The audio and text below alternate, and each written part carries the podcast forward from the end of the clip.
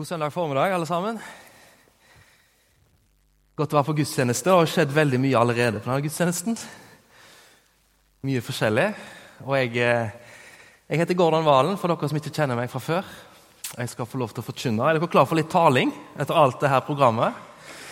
Ja, flott. Jeg vet jo ikke hvorfor du er på gudstjeneste i dag. Her i Misjonskirka. Om det var frivillig, eller om du kom av tvang. Om du kom av lyst, eller om du kom litt av plikt. Kanskje gudstjeneste er noe nytt eller uvant for deg. Eller kanskje det er veldig kjent og kjært.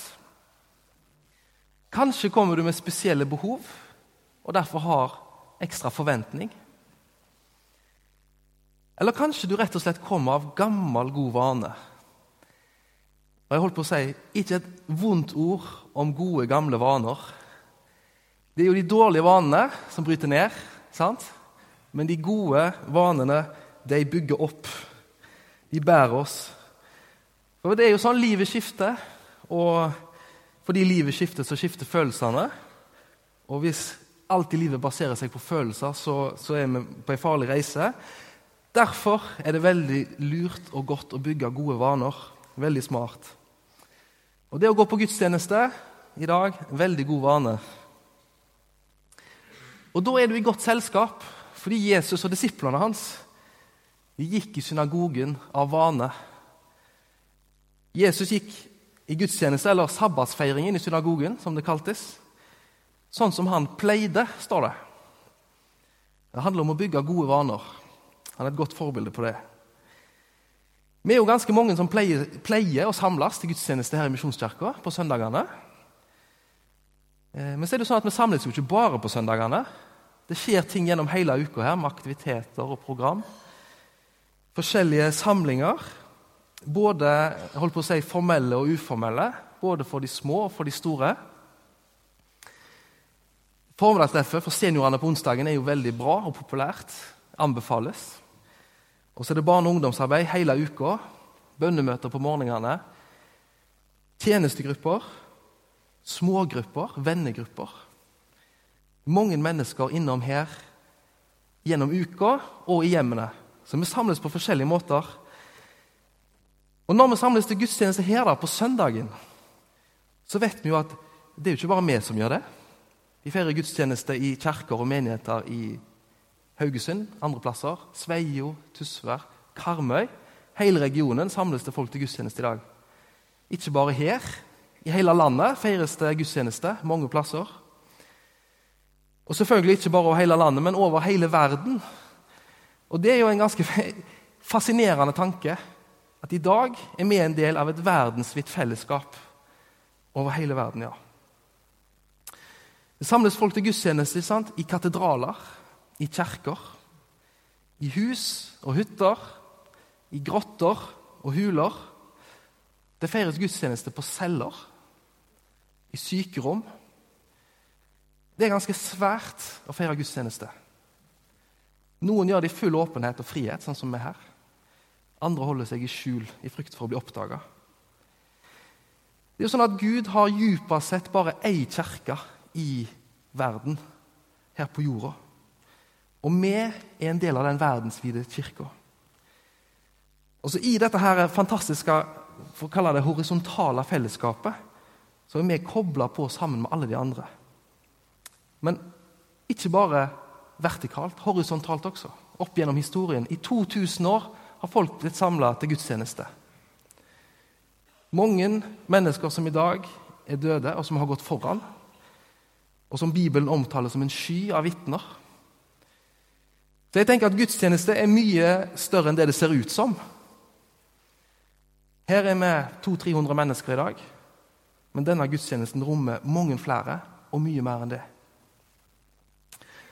Det å gå på gudstjeneste er mye større enn det du tenker. Det kan på en måte se litt sånn smått og enkelt ut. En enkel handling. Ja, jeg går eller ikke går på gudstjeneste. Men det å gå på gudstjeneste er en hellig handling. Du har gjort et valg, og så har du kommet her. Veldig godt valg. La det være en introduksjon til temaet i dag. Det er blitt sagt flere ganger. Vi holder på med fellesskap som tema. Tre søndager setter vi det på plakaten, og så snakker vi om forskjellige sider av det. I dag sier jeg noe om fellesskap i menighetslivet. Hvordan kommer det til uttrykk? Fellesskap med hverandre og fellesskap med Gud, selvfølgelig. Og Teksten som jeg har valgt ut i dag, den er kjent for mange. Eh, hvis ikke du er kjent med den, så skal vi lese den sammen. Fra apostelgjerningene 2, fra vers 41 til 47. Bli med, så leser vi det sammen. De som tok imot budskapet hans, ble døpt. Og Den dagen ble det lagt til omkring 3000 mennesker. De holdt seg trofast til apostlenes lære og fellesskapet, til brødsbrytelsen og bønnene. Hver og en ble grepet av ærefrykt, og mange under og tegn ble gjort av apostlene. Alle de troende holdt sammen og hadde alt felles. De solgte eiendommene sine og det de ellers eide, og delte ut til alle ettersom hver enkelt trengte det. Hver dag holdt de trofast sammen på tempelplassen, og i hjemmene brøt de brødet og spiste sammen med oppriktig og hjertelig glede. De sang og lovpriste Gud og var godt likt av hele folket. Og hver dag la Herren til nye som lot seg frelse. Dette er jo det fellesskapet som ble skapt på pinsedag.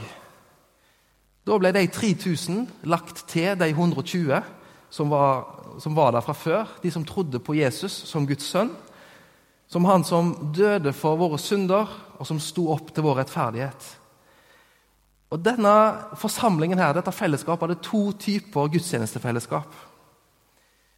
Det ene var det, det store, det åpne, det misjonale, kan du kanskje si. Det var på en måte tilgjengelig, det var synlig, det var merkbart. Og Det skjedde på tempelplassen i Jerusalem. Det andre var litt mer privat, var litt mer lukka, kanskje. Det var i hjemmene. Og Der feirte de nattverd sammen og hadde nattverdsgudstjeneste. Dere som går her jevnt og trutt, vet at eh, med denne vinteren og våren fokuserer på akkurat nå er det fellesskap, men hele våren fokuserer vi på noen viktige si, prinsipper eller hensikter i det kristne livet og i menighetslivet. Og Vi har jo mange aktiviteter og program her i kirka. Eh, alt er bra. Eh, og så håper jeg at alt vi gjør, på en måte gjenspeiler en eller flere av disse hovedhensiktene som vi ønsker, å, ja, som vi ønsker skal gjennomsyre alt vi er og alt vi gjør. Vi har snakket om tilbedelse. Fellesskap har vi. Det med vekst og disippelgjøring. Tjeneste og misjon. Oppdraget som vi har sammen om at mennesker nært oss eller langt borte, skal få høre om Jesus og bli kjent med han. Og Akkurat nå så er det fellesskap som er tema. sant? Og Hvis jeg skulle definert det på, på, en måte her i menigheten, så tror jeg vi kan si det på tre måter. Definere fellesskap på tre måter. Det får liksom tre uttrykk. Og Det ene er gudstjenesten. Det å komme på gudstjeneste her, når det er mye liv og folk og røre, og hvis du er litt ny, så kan det være fascinerende, tror jeg. Én søndag og fem søndager. Og veldig bra. Men hvis du ikke blir kjent med noen, så kan det bli ganske tungt i lengden. Å være sammen med så mye mennesker og ikke kjenne noen det kan være tøft. Da tenker en gjerne at nei, det her blir for stort for meg, jeg trenger en mindre plass. Jeg eh, kunne kanskje like godt gått en annen plass. Derfor prøver vi da, sånn som Elisabeth sa i sted, å bryte det ned til litt mindre fellesskap ned i flere mindre grupper. Og Da snakker vi om smågrupper, om vennegrupper, om bibelgrupper. Det handler om å gjøre det store fellesskapet nært, så nært at du kan bli kjent med noen. Dele liv, dele gaver og erfaringer med andre. Og Så har vi mindre tjenestefellesskap, vil jeg kalle det. Hvor vi er flere som gjør en tjeneste sammen. Medarbeidere, ledere i en aktivitet her i menigheten eller ut ifra menigheten og til folk rundt oss. Så Hvis du får kobla deg på disse tre, det store fellesskapet i gudstjenesten, småfellesskapet og tjenestefellesskapet, så får du mye ut av å være i Misjonskirka, vil jeg tro. Det er jo sånn at Kirka her er jo altså kirka er jo ikke bare en bygning vi går til, men en familie vi tilhører. Vi tilhører Gud, og så tilhører vi hverandre. Og Dåpen som vi har hatt her i dag, dåpen henger tett sammen med dette. Og Det er mange måter dåp er flott på. Men en av de tingene som skjer, er at når vi lar oss døpe, eller blir døpt, så legger jeg meg i hendene på noen som allerede tilhører denne familien. Det er ikke noe jeg gjør alene eller privat eller isolert. Det er noe jeg gjør i samspill med andre i Guds familie. Og Så døpes jeg til en dobbel tilhørighet. Jeg døpes til Gud, og så døper jeg til Guds familie. Så står det i Feserbrevet at vi er de helliges medborgere. Vi tilhører Guds familie. Og det som skjer er at Da går jo jeg fra et jeg til et større vi. Det går fra meg til oss. Og nettopp tror jeg i en sånn hva skal jeg si, individualistisk tid, hvor vi drives av mye egoisme, så er det viktig for oss å oppdage fellesskapet og koble oss på noe som er større, og noe som er mer enn oss sjøl. Og så er det nok en del som sier ja, Jesus er ok, men eh, kirka takker jeg nei til. Og så tenker jeg, ja, hører du egentlig hva du sier nå? For uten Kirka så hadde jo ingen av oss kommet til tro. Det er jo Kirka som har gitt oss troa. Det er jo den som har delt evangeliet med oss. Hadde det her med kristen tro bare vært enkeltmennesker, så hadde den kristne tro dødd ut etter 100 år. Og så er det sant, ja, kristen tro er personlig, men den er ikke individualistisk. Det er et fellesskap. Kristen er noe vi er sammen med andre. Det var en kirkefader, Cyprian, han sa det sånn at eh, ingen kan ha Gud til far som ikke har Kirken til mor. Og så er gudstjenesten da, sentral i det her fellesskapet vi har med hverandre i menigheten. Og så er det sånn, I den vide betydningen av gudstjeneste så er selvfølgelig ikke gudstjenesten først og fremst en samling, men det er et liv. Det er et liv som vi lever, hvor alle sider av livet er med. Arbeidslivet, familielivet, privatlivet. Et liv i tjeneste for Gud. Det er Guds tjeneste. Men så samles da de som har dette som sin livsinnstilling, sitt livsmål. De som lever for å tjene Gud, samles til en samling. Og det er den smale betydningen av ordet gudstjeneste. det som vi gjør akkurat nå. Det er på en måte sånn som at De utkalte blir sammenkalt. Og Du har det jo mange plasser på jobben i alle sammenhenger. Det er samling i staben, det er samling på avdelingen. Og det er rett og slett sånn at Gud samler oss da, en gang i uka, sånn som nå. Jesus og disiplene var jo, var jo jøder. sant? Eh, de fulgte de jødiske tradisjonene, og det handla for dem om skriftene, om bønnene, om synagogen. De gikk i synagogen på lørdagen, og så ble gudstjenesten, den kristne gudstjenesten på en måte en fortsettelse, men samtidig noe annet. Etter at Jesus var blitt død og hadde stått opp fra de døde. Så det skjedde en endring fra lørdag til søndag. Og Det hadde jo med Jesu oppstandelse å gjøre, at de feira Jesu oppstandelse på søndagen. Du vet at eh, På første påskedag så kom jo kvinnene til graven. Og så sier englene til kvinnen at han er ikke her. Han har stått opp. Og det var sant der og da, men det var sant bare der og da. Og Tenk om hver gang vi kom sammen i et storfellesskap eller et småfellesskap, og så måtte en eller annen si ja, ja, han er jo ikke her. Det blir ikke noe kirke av sånt.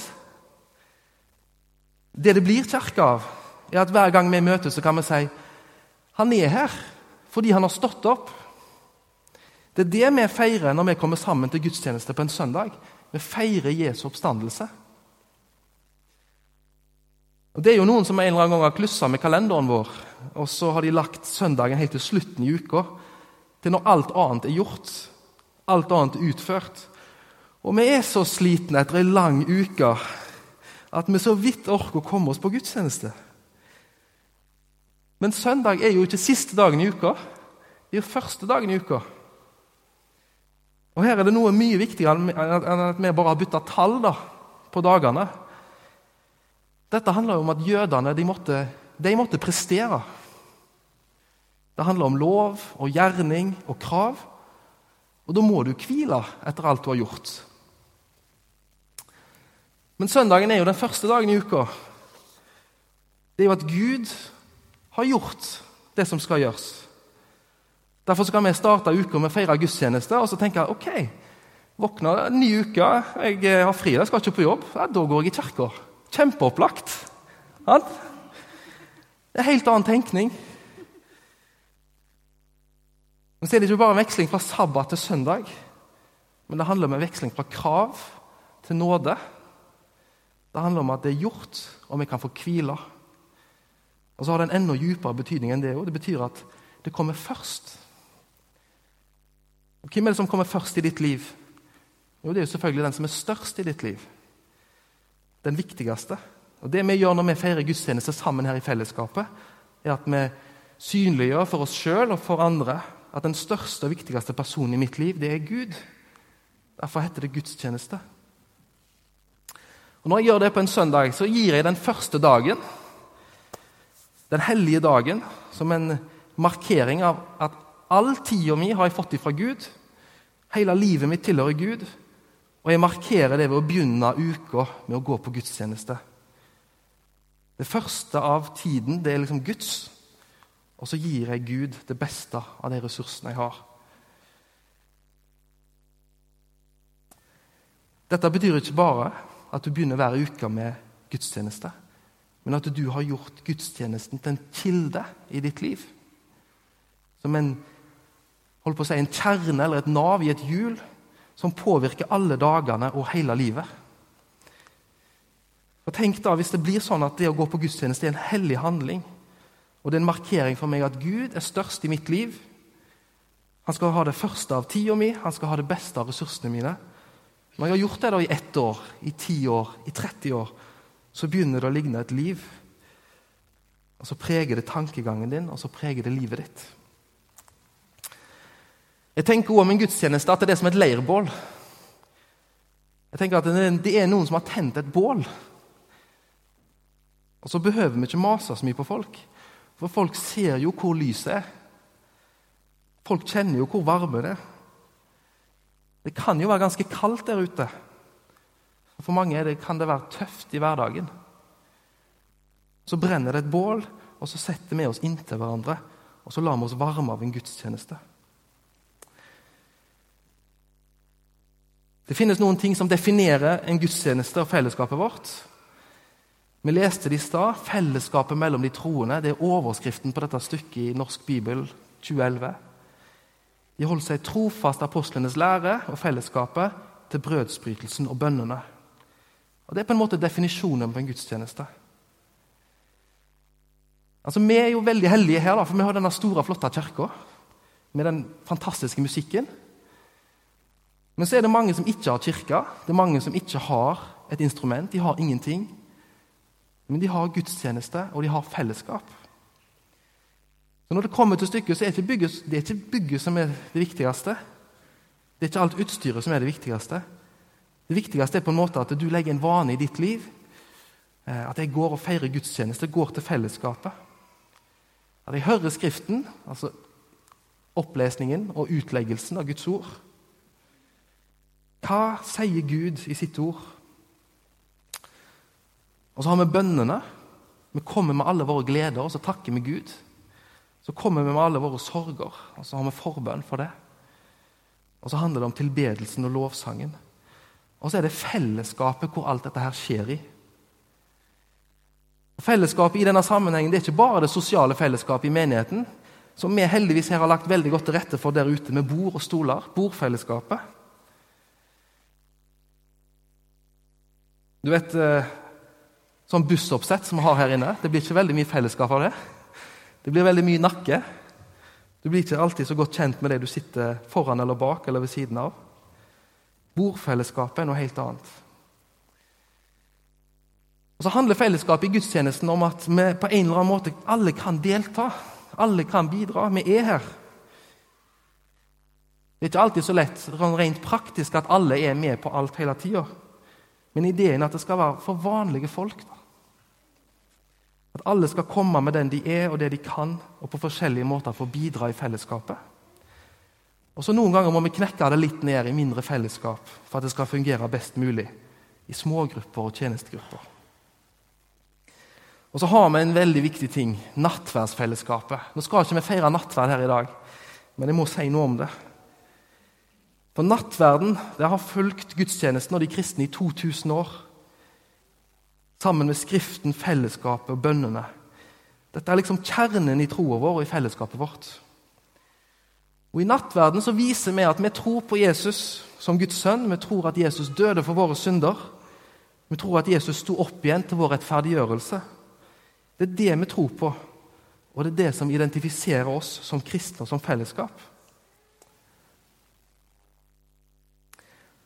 En kan jo lure av og til på hvordan jødefolket overlevde som folk etter så mange år i eksil og utlendighet. For De hadde, de hadde sabbaten, sant? de hadde sabbatsmåltid. De hadde en fortelling. Og Den fortellingen ble deres leirbål. Sånn holdt de sammen. Og så forteller en om det. Og det er det vi jo gjør når vi tar nattverd sammen.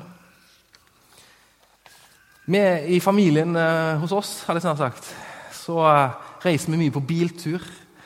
Svigerforeldrene mine bor på Sunnmøre, og besteforeldrene til ungene da bor jo på Sunnmøre. Så vi reiser opp der, kjører nonstop flere ganger i året. Og Da er vi jo stupakka i bilen, og det kan bli litt sånn hett inni der. Og Noe av det kjekkeste på den turen det er jo selvfølgelig å komme fram, eh, men det er underveis. Når vi stopper langs veien og finner oss en god rasteplass med benk og bord, og så har vi gjerne kjøpt inn litt bagetter eller brød, bananer, syltetøy, kanskje jordbær på veien, juice. Og så stopper vi og så velter vi ut av bilen og så finner vi fram dette her og dekker bordet. Og så storkoser vi oss. Bruker god tid. Ungene springer av seg liksom, dette her som de har fått i bilen. Og så er det en god rasteplass på veien. Av og til de beste minnene på hele turen. Nattverden og fellesskapet rundt nattverdsbordet er en rasteplass i livet. Vi er på vei sant? sammen i livet. Og så er gudstjenesten og nattverden høydepunkt og rasteplasser langs veien. Vi skal ikke feire nattverd i dag, som sagt, men når vi gjør det, så leser vi For hver gang dere spiser dette brødet og drikker av begeret, forkynner dere Herrens død helt til Han kommer. Det sier noe om hvor vi kommer fra, og så sier det noe om hvor vi skal. Og i de gamle kirkebyggene det var ofte bygd øst-vest, med inngang i vest. Og Da kommer en inn i kirka fra mørket, fra vest, og så går en gjerne inn i ei korskirke, som er et symbol i seg sjøl. Og så går en oppover midtgangen, og så kommer en fram til en halvsirkel, til alterringen. Og så kan det være at det er en prest som forteller at den andre halvsirkelen det er de som har gått foran. Og så tenker vi at Hver gang vi kobler oss på gudstjenesten, hver gang vi kobler oss på nattverden, så feirer vi sammen med de som sirkulerer rundt trona, og i himmelen. Og så feirer vi nattverd mot øst, mot soloppgangen. Og Da er ikke det sola som er viktigst, men at Jesus har stått opp. Han er sola som lyser opp framtida vår også etter døden. Så dette er et stort fellesskap. Til slutt Fellesskapet må si fire ting som kan beskrive fellesskapet helt til slutt. Fire dimensjoner. Gudstjenesten er at vi er sammen innenfor Gud, i fellesskap. Gud er den største, ikke bare i vårt liv, men han er den største av alt og av alle. Det betyr at vi ydmykt går inn for den allmektige Gud, den hellige Gud, og så markerer vi i vårt liv at det er en som er større. Det er en som er hellig. Det gjør noe med oss. Vi er innenfor Guds ansikt. Det andre er at vi er sammen i Gud. Det betyr at vi ikke bare er interessert i, i musikken eller stilen eller aktivitetene, men det betyr at vi er søsken. Gjennom Jesus Kristus så har vi kommet inn i Guds familie. Og Gud er vår far, du er min bror, du er min søster. Vi er ett, vi er ett fellesskap. Det er vår identitet. Vi er sammen som syndere som har funnet nåde i Gud. Vi er Guds familie. Og I dette her så møter vi Gud, og så er det en dobbeltkommunikasjon på gang. For Gud har noe på sitt hjerte som han vil si til oss, si til deg. Og så har du noe på hjertet som du får si til han. Og Gjennom alt det her som jeg gjør, så taler Gud til oss, og så erfarer vi Gud i livet vårt, i dette fellesskapet. Og så til slutt, da, i gudstjenesten, i fellesskapet, så sendes vi ut. Som fellesskap, som enkeltpersoner, til de seks nye hverdagene i uka som kommer. I familien, på jobben, på skolen, i nabolaget. Der vi lever med Gud, enkelt og greit. Så Hver gudstjeneste er ikke bare en samling i fellesskapet. Det er jo en spredning. Det er en utsendelse. Det vi får på den samlingen her, skal vi ta med ut og spre og gi videre til andre. Så Det er ikke først og fremst kanskje hva jeg får ut av samlingen her, men jeg møter Gud, og så møter jeg de andre, og får så bli en del av det oppdraget som Gud sender oss ut med i verden. Og Hvis du får tid hjemme, så får du gjøre hjemme, lese Jesaja kapittel 6, 1-9, så vil du på en måte lese om en gudstjeneste. Jesaja skriver om sitt møte med den hellige Gud. Så ser han i møte med den hellige Gud sin egen synd, sin egen uverdighet. Han erkjenner og bekjenner. Og så opplever han tilgivelsen og renselsen, og så skjer det noe med Jesaja. Han ser verden med Guds øyne, og så stiller han seg til disposisjon. Og så sier han, Da hørte jeg Herrens røst. Hvem skal jeg sende, og hvem vil gå for oss? Jeg sa, Jeg, send meg. Dette fellesskapet er en samling, men det er en samling før spredning. da. Vi sendes ut med Gud i verden, ut herifra, i hverdagen. Vi ber sammen. Herre, jeg takker deg for at du ikke bare har gjort oss til kristne enkeltvis.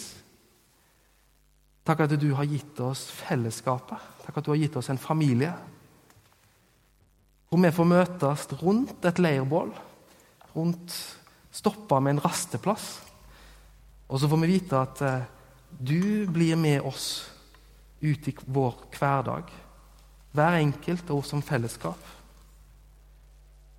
Og Herre, jeg ber om at det vi er, og det vi får, kan vi få bringe videre i møte med mennesker som trenger oss. I Jesu navn. Amen.